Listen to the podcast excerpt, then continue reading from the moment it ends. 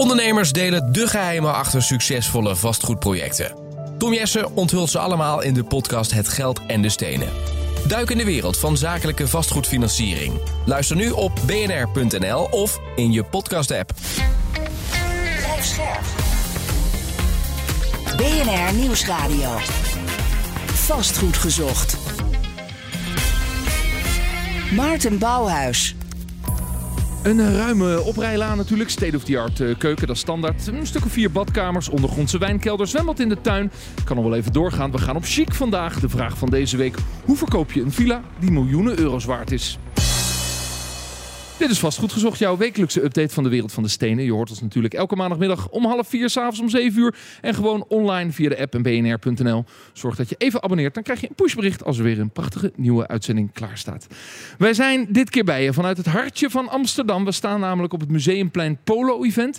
Ja, een groot veld zie ik voor mij. Een hoop relaties om mij heen. Een, een balletje natuurlijk, paarden, jockeys. Veel eten, drinken en natuurlijk live publiek. Heerlijk. En uh, naast mij staat uh, Maarten Reuvenkamp van uh, Mogelijk Vastgoedfinanciering. De partij die al drie jaar voor zorgt dat wij dit programma kunnen maken. journalistiek en onafhankelijk. Maarten de Guiter is in het buitenland. Dus Maarten dacht, ja, tot Maarten is Maarten. We vragen jou om eens even aan te schuiven vandaag. maar eerst even, we zijn op het Polo Sport Event. Hoe zijn jullie eigenlijk hier betrokken geraakt? Dat is denk ik alweer twee jaar geleden. Cor van Zadelhof die benaderde ons. En die vond het een heel goed plan dat wij aanwezig zouden zijn hier bij het uh, Polo-event in Amsterdam. Ja, Cor van Zadelhof, iedereen kent hem in de vastgoedwereld en tegen hem zeg je geen nee.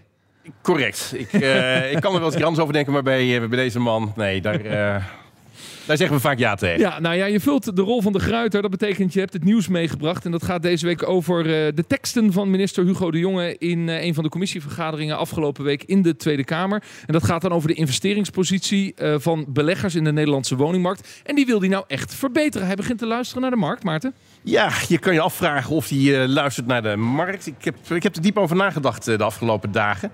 Het is inderdaad heel frappant. Hè? Je, enerzijds lees je nog niet zo gek lang geleden... Canadees vastgoedfonds verkoopt bijna 7000 huurwoningen in Nederland. Ja, het Canadese Eres die wilde van 69 woningen af. En dat is, een, dat is een artikel geweest van 26 juni. Ja. En we zitten nu eind september. En dan lees je... de jongen wil investeringsklimaat voor woningmarkt verbeteren. Denk aan fiscale aanpassingen. Ja, misschien. Nou ja, maar dan kun je toch zeggen, hij luistert naar de markt. Want de, de kritiek dat zeker buitenlandse beleggers, maar overigens ook Nederlandse beleggers, uh, minder beleggen in Nederland en juist naar het buitenland gaat. Ja, wellicht wil hij dat nu uh, ja, veranderen, wil hij dat verbeteren. Ja, dat zou heel mooi zijn als dat inderdaad de uitkomst is. Uh, je kan er natuurlijk meerdere dingen bij, bij zetten, meerdere vraagtekens bij zetten. Nou, ik verwacht dat ik hier over een half jaar weer bij jou te gast ben. Nee, maar, maar wacht even. Dit moet ik even opnemen voor de minister. Uh, er is vanuit de vastgoedsector veel kritiek over... we hebben zo weinig dialoog met de politiek. De politiek besluit dingen over ons. En ze begrijpen de markt niet. En laat ons nou uitleggen wat er nodig is in een gezonde markt. En nu is er een commissievergadering met een... Ik heb ook zitten kijken met een heel prettig en redelijk politiek gesprek. En dan zegt de minister... ik wil echt kijken of we het fiscale klimaat kunnen aanpassen. Moeten we dan niet zeg maar, juist niet cynisch zijn, maar een, een, handreiking doen. Moet de markt, zou ik willen zeggen, zeggen van... fijn minister, laten we praten over wat werkt. Ja, als dat de uitkomst is, dan, uh, zal ik die, dan deel ik die mening volledig met je. Uh, ik heb alleen mijn twijfels of dat het geval is. We hebben natuurlijk meerdere, meerdere streken bij deze minister meegemaakt. Oh, okay, dus, dus je vindt het toch een beetje verkiezingspolemiek? Ja, Sumi. Maar ja, dat okay. Uh, toch wel. Uh, het komt natuurlijk ook een beetje voort uit die uh, particuliere belegger die toen geld gratis was, vol instapte. En daar is de politiek opgedoken om daar allerlei fiscale regels op te leggen. Kijk naar de overdrachtsbelasting van 10,4% Dat is ook wel heel erg gedaan om die, ja, die particuliere transacties tegen te houden. Speculeren op de markt. Hè. Dat, dat vond de politiek niet prettig. Jij spreekt natuurlijk ook met dat soort beleggers. Wat zeggen die tegen je? Ja, zeker. Die, die hebben natuurlijk hun oren laten hangen. En daar is nog heel veel voor nodig om om die mensen weer terug te krijgen in het speelveld waar ze zo goed in waren. Ja, ja maar misschien wil de politiek helemaal niet dat ze terugkomen. Nee, dat, uh, dat zou kunnen. Maar nou ja, goed, de politiek is dus zo, uh, zo uh, veranderend als het, als het weer. Dus Daarover later ja, meer. Dat zou kunnen. Het zou ook kunnen zijn dat die particuliere belegger nu al überhaupt een mindere propositie heeft. Want nou moet hij het geld lenen voor 5%. En dan, dan, ja, dan is de buy-to-let wat minder interessant Nou, en dat, dat puntje dat wil, ik, dat wil ik aan meneer de Jonge meegeven. Dat kon de jongen natuurlijk ook niet weten, dat die rente zo drastisch omhoog ging. Maar dit was wel de perfect storm. En als je dan uh, in, het, in, het, zicht van, van nou ja, volgende verkiezingsrondes moet denken van... oké, waar ga ik mijn zieltjes nou weer toch vandaan halen? En je gaat toch weer terug naar die grotere partijen... die nou ja, eigenlijk overal in de wereld eh, terug eh, kunnen, kunnen komen, kunnen investeren. Dan weet ik niet... Nou, laat ik het zo zeggen... als ik op die plaats had gezeten, had ik wellicht andere keuzes gemaakt. Vastgoed gezocht. De gemiddelde verkoopprijs van een woning is in Nederland opgelopen tot iets minder dan 4 ton. Maar ja, er zijn ook huizen die voor vele miljoenen van eigenaar wisselen.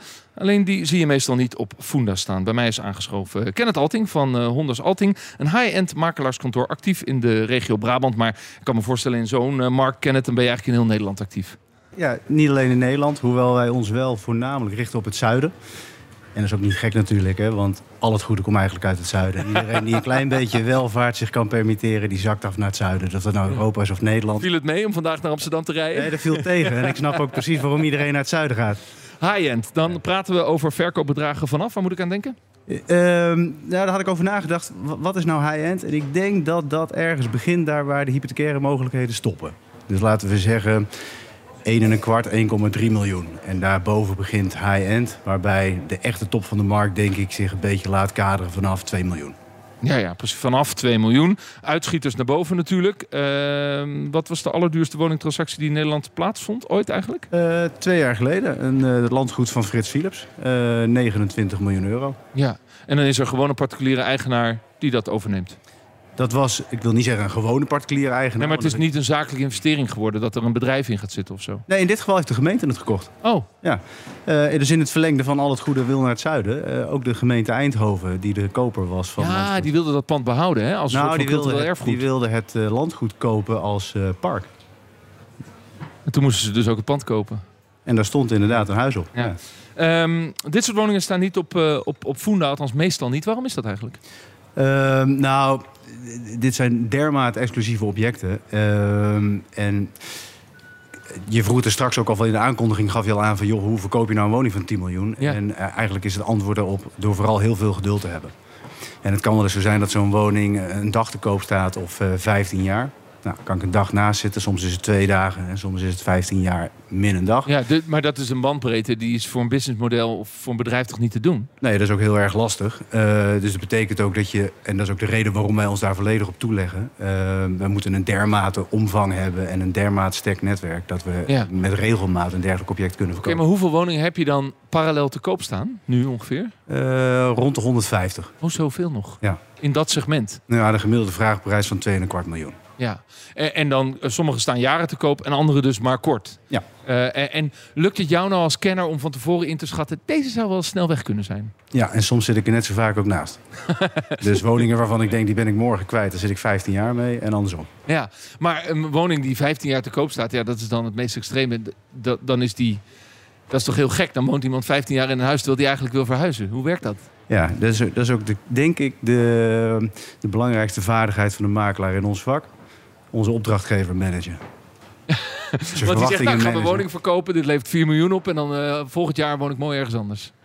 Dat is wel- meestal wel het Ja, uitgangspunt. of heeft hij dan al een nieuwe villa gekocht? Is dat het? Komt ook voor. Ja, dat komt ook voor. Maar veel verkopers in dit segment die zijn natuurlijk niet van gisteren. Dat zijn wel, wel, ja, wel onderlegde mensen. En die snappen ook wel dat de koper zich niet van vandaag of morgen zou melden. Nee. En we hebben natuurlijk in de afgelopen 15 jaar, dat is ook de reden waarom we ons, ons hebben toegelegd op dit segment, hebben we wel wat meegemaakt in de vastgoedmarkten. In 2008 is er echt wel wat gebeurd. En we staan misschien wel op de vooravond van weer zo'n eh, bijzondere happening in de markt. Ehm, en woningen die toen te koop zijn gezet en ge- misschien wel 5, 6 miljoen hebben gekost, ja, die waren in die tijd natuurlijk heel erg lastig te verkopen. En, het- Ja. en de top van de markt hebben we misschien vorig jaar pas weer bereikt. En dat is, een, dat is, een periode van 14, 15 jaar tussen. Ja, dus ook in die markt eh, is... eh, want waarom zijn die prijzen vorig jaar zo opgelopen? Eh, dat had alles met financiering te maken. Geldt dat nou in die high-end markt net zoals in de gewone huizenmarkt? Nou, het speelt absoluut een rol. Hè? Want het, het, het, hebben van gratis geld, want dat was natuurlijk de afgelopen twee Ja. jaar echt aan de orde, speelt absoluut een rol. De druk van onderuit speelt een hele belangrijke rol. Maar het allerbelangrijkste sentiment. Toch gewoon het sentiment, dit is een goede tijd om te kopen... want daarna wordt het meer waard. Zien eten, doet eten, nou nog niet eens zozeer meer waard, maar gewoon consumeren. Ja. Eh, en zodra de, de, de, de portemonnee groter wordt en het besteedbaar inkomen groter wordt, worden ook de verlangens en de Het zijn natuurlijk in de praktijk, hè, dan even naar die kopen toe, allemaal ondernemers. Ja. Eh, en, die, en zeker mensen die een bedrijf hebben verkocht, weet ik veel, 50 miljoen vrij geld hebben, die hebben geen financiering nodig. Die denken Nee. gewoon, nou, ik ga 4 miljoen uitgeven aan een nieuw huis. Ja, en, en elke, eh, elke periode, elke fase in de afgelopen decennia heeft laten zien dat het dan een ander profiel van koper is. Hè. Dat zijn crypto-jongens, dat zijn NFT-jongens en die komen en die zijn nu ook weer gegaan. Eh, maar de rode draad is dat het allemaal ondernemend ingestelde mensen zijn. Ja. Ehm, hoe vind je dan die koper? Want, eh, of hoe vindt die koper het huis? Ik bedoel, ja, ik zei het al, de meeste staan niet op Funda. Ja, de, de grap is dat heel veel kopers soms nog niet eens weten dat ze een bepaald huis gaan kopen. Dus daar ligt dan de rol voor het oliemannetje. Zo noem ik onszelf dan wel eens, hè, de makelaar. Om toch eh, ergens te appelleren bij een koper aan een behoefte die, waarvan ze zelf nog niet weten dat ze die hebben. Ja, dat vind ik interessant. Eh, maar hoe vind je hem dan? Want hij weet nog niet dat hij dat huis gaat kopen. Ja, dat is toch heel veel, heel kort op de bal zitten bij je netwerk. Heel goed je relatie kennen, heel goed je doelgroep kennen, weten wie er rondloopt. Ja, oké, maar we zijn vandaag bij een polosport evenement. We, we kunnen vaststellen dat hier een bepaalde doelgroep eh, rondloopt. En dat is ook prima. Waar wellicht wel kopers tussen zitten. Ja, Ja, ik sluit ook Eh, voor uit dat jullie? vandaag nog een huis bij ons gaat kopen. ik. Oh, weet je wat een BNR-presentator verdient? Ja, maar we hebben ook vakantiewoningen in Spanje hè, vanaf 175.000 euro. Oh, dat zou nog wel Ja. kunnen. Mijn vrouw heeft een leuke baan. Voilà. maar maar eh, eh, de, hè, de, eh, gasten op dit soort evenementen. Is het dus echt netwerken, naar, naar dit soort feestjes toe gaan en daar de mensen spreken? Is het zo, zo plat? nee, merkwaardig genoeg dus eigenlijk niet. Maar het is wel... eh, ja, toch wel eh, mensen tegenkomen bij bezichtigingen in het, eh, in het ja, uitgaanscircuit. En heel soms zitten daar inderdaad wel eens noodgedwongen een netwerkevenement Ja. bij zoals dit. Precies. Gaat het ook wel eens andersom? Namelijk, jij zegt tegen iemand, ik heb een mooi huis voor je. En iemand wist dus nog niet dat hij dat ging kopen. En denkt, ja, dat moet ik hebben. Ja, het komt ook wel eens voor dat iemand zegt: Ik heb een koper voor je huis. Ik heb een koper voor je huis. Ja. En, en iemand waarvan die dacht dat gisteren zijn huis nog niet te koop stond. Ja. Ehm, maar het zijn natuurlijk producten, dat is het gekke. Kijk, als je de gewone woningmarkt hebt, dat, dat heb je nodig. Mensen hebben een huis nodig om te wonen. Ja. Eigenlijk verkoop je iets wat mensen niet echt nodig hebben. Nee, dat is het interessante aan ons vak en het segment waarin wij actief zijn. Niemand heeft een woning nodig van, ik hoor je net zeggen, de gemiddelde woning is 4 ton in Nederland. Nou, voor 4 ton heb je dus beschutting tegen de elementen. En alles daarboven is luxe, welvaart. eh, nou, vul maar in. Ego, status, prestige. Nou, en, en, en, ja, en eh, zoek daar dan maar eens een schil bij. Maarten, eh, misschien moeten we het ook even over financiering hebben. Eh, en dan vooral waar het geld vandaan komt. Want je zei het al, ja, er zitten crypto-jongens tussen, zit van alles tussen. Misschien voetballers, I don't know. Hoeveel check moet jij doen om te weten of het geld wat in het pand wordt gestoken, of dat schoon geld is? Eh 100% check. Dus wij willen dat ook 100% van tevoren op zeker hebben. Heb je ook een wettelijke verplichting daartoe? Ja, ja de WWFT die, die ziet daar heel erg streng op toe. Dus Ja, wij precies. moeten heel nauwgezet eh, controleren dat wat de herkomst van het vermogen is. Ja. Eh, en is dat te doen meestal? In 90% van de gevallen op voorhand al. Hè. Dus op het moment dat iemand belt voor een bezichtiging... dan kunnen wij met een beetje googlen... v- vinden wij al gelijk wie we aan de lijn hebben.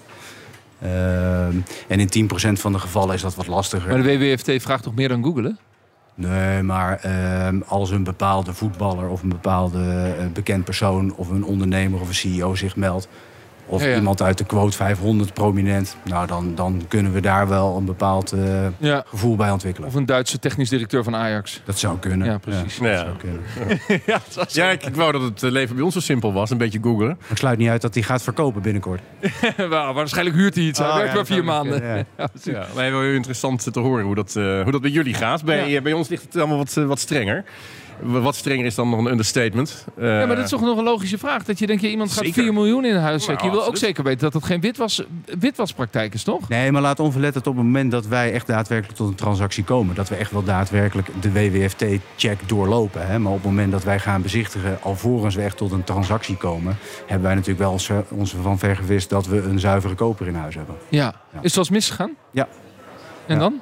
Eh, nou, geen criminele transacties, maar eh, ik refereer net aan de transactie van eh, Philips in Eindhoven. Daar heeft zich gewoon een charlatan gemeld. Ja. Oh, maar die- is er niet doorheen gekomen. Ja, die is wel doorgaan, die is wel bezichtigd. En die heeft zelfs een koopovereenkomst gekopen, maar er loopt, ge- getekend. Maar er loopt ook een hele doelgroep van kopers in Nederland rond die het gewoon leuk vindt om woningen van 3, 4 of 20 miljoen te bekijken. Oh, die gaan bekijken en, en die gaan zelfs zo ver dat ze met jou in onderhandeling gaan. Ja, als ze de kans krijgen wel. Terwijl, terwijl, terwijl ze helemaal niet de middelen hebben om daar aan tafel te zitten. Nee. Nee. Wat een aparte types zijn het Voor- dan? Vroeger in je studententijd deed je dat op, eh, op huwelijksfeestjes van mensen. Maar deze, deze is ook nieuw voor mij Gewoon hoor. crashen. Ja, precies, precies.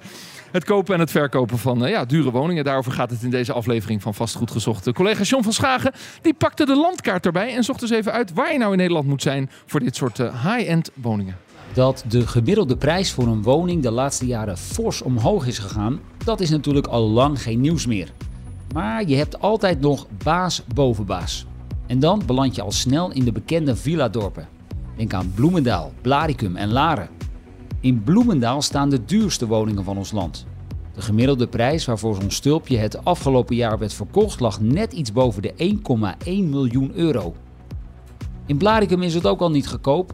Daar lag de verkoopprijs net iets lager dan dat gemiddelde. De duurste villa in dat dorp kende een vraagprijs van ruim 3,8 miljoen euro. Maar goed, daar kreeg je dan wel een buitenzwembad, vier slaapkamers, twee badkamers, een jacuzzi en 5000 vierkante meter aan perceel voor. Maar het grootste en duurste optrekje van allemaal staat in Laren. Het is Villa Logosberg. Nu nog eigendom van ondernemer Willem Willemstein, maar er staat een te koopbord in de tuin. Wij tellen 9 slaapkamers, zien een binnenzwembad met spa, een tennisbaan, wijnkelder en volledig ingerichte thuisbioscoop. En dat alles op een perceel van circa 3 voetbalvelden. Geschatte opbrengst tussen de 30 en 40 miljoen euro. Dankjewel, John van Schagen. Ja, mijn vrouw is ook nog een hele goede tennisser. Dus misschien moet ik toch eens eh, kijken bij de Villa Logosberg. Ehm, bij mij te gast eh, Kenneth Alting. Hij is de eigenaar van makelaarskantoor eh, Honders Alting. En dat richt zich dus, dat is wel duidelijk, op de bovenkant van de markt. En ondertussen ook aangeschoven zijn collega Wessel Wiersma. We staan op het Museumplein Polo Event. Maarten Reuvenkamp van Mogelijk is, is ook mijn gast. Ja, Maarten, al ergens je ogen op laten vallen, want het gaat goed met Mogelijk. Ja, het mogelijk groeit nog steeds als kool. Eh, ja, nee, eh, fantastisch.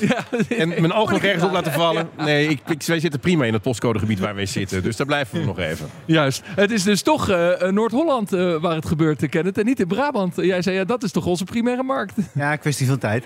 Kijk eens. Wessel, jij richt je op de Spaanse markt. Eh, de eigenaar van een villa in Marbella, die wil de boel verkopen. En denkt, eh, ik ga eens bellen met Brabant. En dan?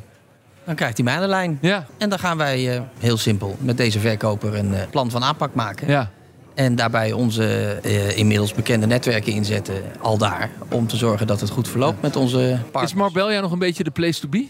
Voor Spanje zal het altijd zo blijven. Net Oh ja? zoals eh Saint-Tropez dat altijd heeft. En eh, ja, dat weet je, er zijn gewoon plaatsen Maar dat is natuurlijk ook een markt. Hè? Dat zijn allemaal tweede huizen, neem ik aan. Ja, Eh, over het algemeen. maar, maar dat is dan ook wel weer tweede huizen in de high-end range. Of zeg je van, we hebben er ook pandjes staan van twee ton? Eh, beide. Kijk, eh, het is natuurlijk zo dat we de eindgebruiker, hè, die dat inderdaad zelf als een tweede huis wil, eh, wil benutten. Ja, dat zijn inderdaad de, de, in de prijscategorie die wij ook in Nederland hanteren. Ja. Daarnaast hebben we een aparte tak en daar hou ik me het meeste mee bezig, in alle eerlijkheid. En dat zijn inderdaad investeerders die vanaf 2, 2,5 ton aan de Costa del Sol of Costa Blanca gewoon een pand willen voor Maar de die willen dat dus niet als het eigen tweede huis, maar gewoon als investering.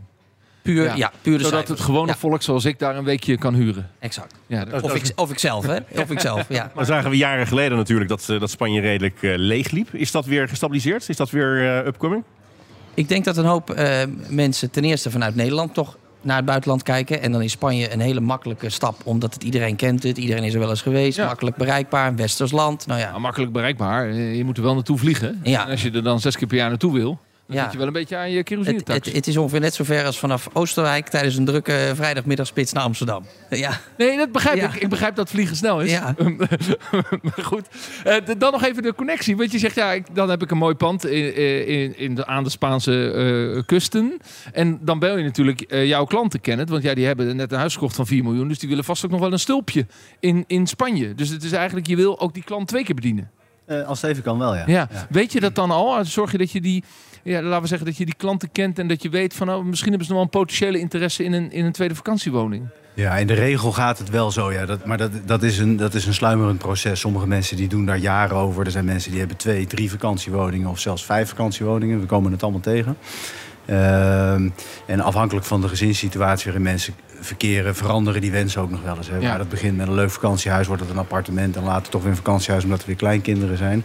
Dus dat is gelukkig een steeds wisselend proces van behoeftes. Net zoals de verzekeringsmakelaar. Je moet de, de golden moments in life, die moet je goed kennen. Bij elk feestelijk moment moet je erbij zijn. Ja. Nou, eh, nou zien wij heel veel eh, verschuivingen. Mensen die, eh, dus eigenlijk de belegger, we hadden het er net al over. De kleine belegger die zijn, eh, zijn paar panden in Amsterdam te koop zetten. Angstig voor eh, het fiscale onheil wat over hem of haar neer zou dalen. En je ziet veel van dat soort partijen vertrekken naar, eh, of aankopen doen in, eh, in Spanje. Oh ja, zie je dat in, bij jullie transacties? Ja, dat is wel merkbaar. Ja. Begrijpelijk ook. Eh, of ze komen hun geld brengen bij mogelijk. Wessel, herken je dat? Dat er meer in die zin mensen willen investeren nu dan, dan een paar jaar geleden? Eh, ja, Door het fiscale klimaat misschien ook wel in ab- Nederland. dat is het laatste zetje. Ja, dat is, eh, Ja, ja. ja, en het is natuurlijk ook een stukje dat mensen, hoe gek het ook klinkt door die corona-toestanden, eigenlijk gaan realiseren dat ze naast een stukje investeringen hun eigen panden vaak natuurlijk eh, een week of zes, acht per jaar zelf kunnen gebruiken. En die Mhm. willen gewoon wat meer nu genieten in plaats van over twintig jaar. En wat is dan wat jou betreft de, de grootste inhoudelijke verandering aan die kusten van type panden die mensen dan eh, willen kopen? Eh, de- kochten mensen 20 jaar geleden een ander soort vakantiehuis dan nu? Het is vooral gemak. Gewoon gemak, eh, ontzorging. Dus lokale partijen die het voor jou beheren. Ze willen gewoon een pand hebben waar ze de deur dicht trekken en alles is. Ziet Wordt er ook meer geld aan uitgegeven? Ja, omdat het simpelweg duurder wordt. Nee, dat is Ja, enige ja, reden. ja. Het is niet dat er meer jongens met geld zijn die denken ik moet daar zitten. Oh, absoluut. Maar daardoor heb je die prijsontwikkelingen. Ja. Weet je, je merkt gewoon dat, dat eh, appartementen die ik zeg maar twee jaar geleden aan een golfbaan in eh, de buurt van, van Malaga verkocht. Die zijn in die eh, twee, ja, twee, tweeënhalf jaar zijn die gewoon met 50, 60.000 euro gestegen. Ja, dat is zich- golfbaan in de buurt van Malaga, dat voelt toch een beetje als een babyboomlocatie. Of zeg je van nee, jonge mensen komen daar ook? De crypto-jongens. Het hangt er vanaf wat het gebruik is van, van het appartement. Kijk, gaat het puur om de cijfers, dan wil je gewoon dat, je, dat het goed geregeld is, een goed rendement. En ontzorgd worden. Ja. En wil jij natuurlijk eh, iets voor jezelf, ja, dan, dan komen er hele andere wensen bij kijken. Hè? Dat is gewoon puur van, eh, eh, wil ik in de buurt zitten van mijn vrienden? Ja. Wil ik in de buurt zitten van het uitgaansleven? Wil ik in, nou ja, zo kan ik er nog wat Ja, dan wordt het toch Ibiza. Ja, bijvoorbeeld. Kenneth, tot slot, de markt in Nederland voor deze high-end woningen. Hoe denk jij dat die de komend jaar gaat ontwikkelen? Ehm, ik heb werkelijk geen idee. Eh, Het is niet afhankelijk van, van politieke grillen of eh, rentestanden of wat dan ook. Nou, als je heel eerlijk bent, hè, ik bedoel, kijk maar om je heen in vastgoedland. eh, er is best wel wat gaande. eh, zeker het commerciële vastgoed.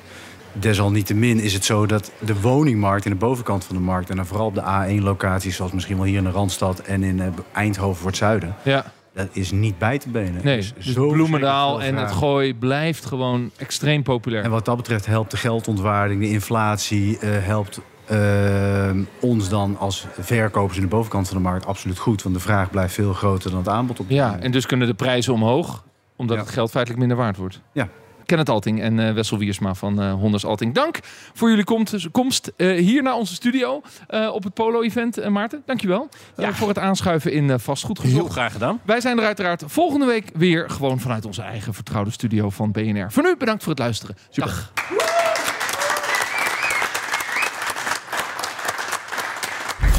Vastgoed gezocht wordt gesponsord door Mogelijk.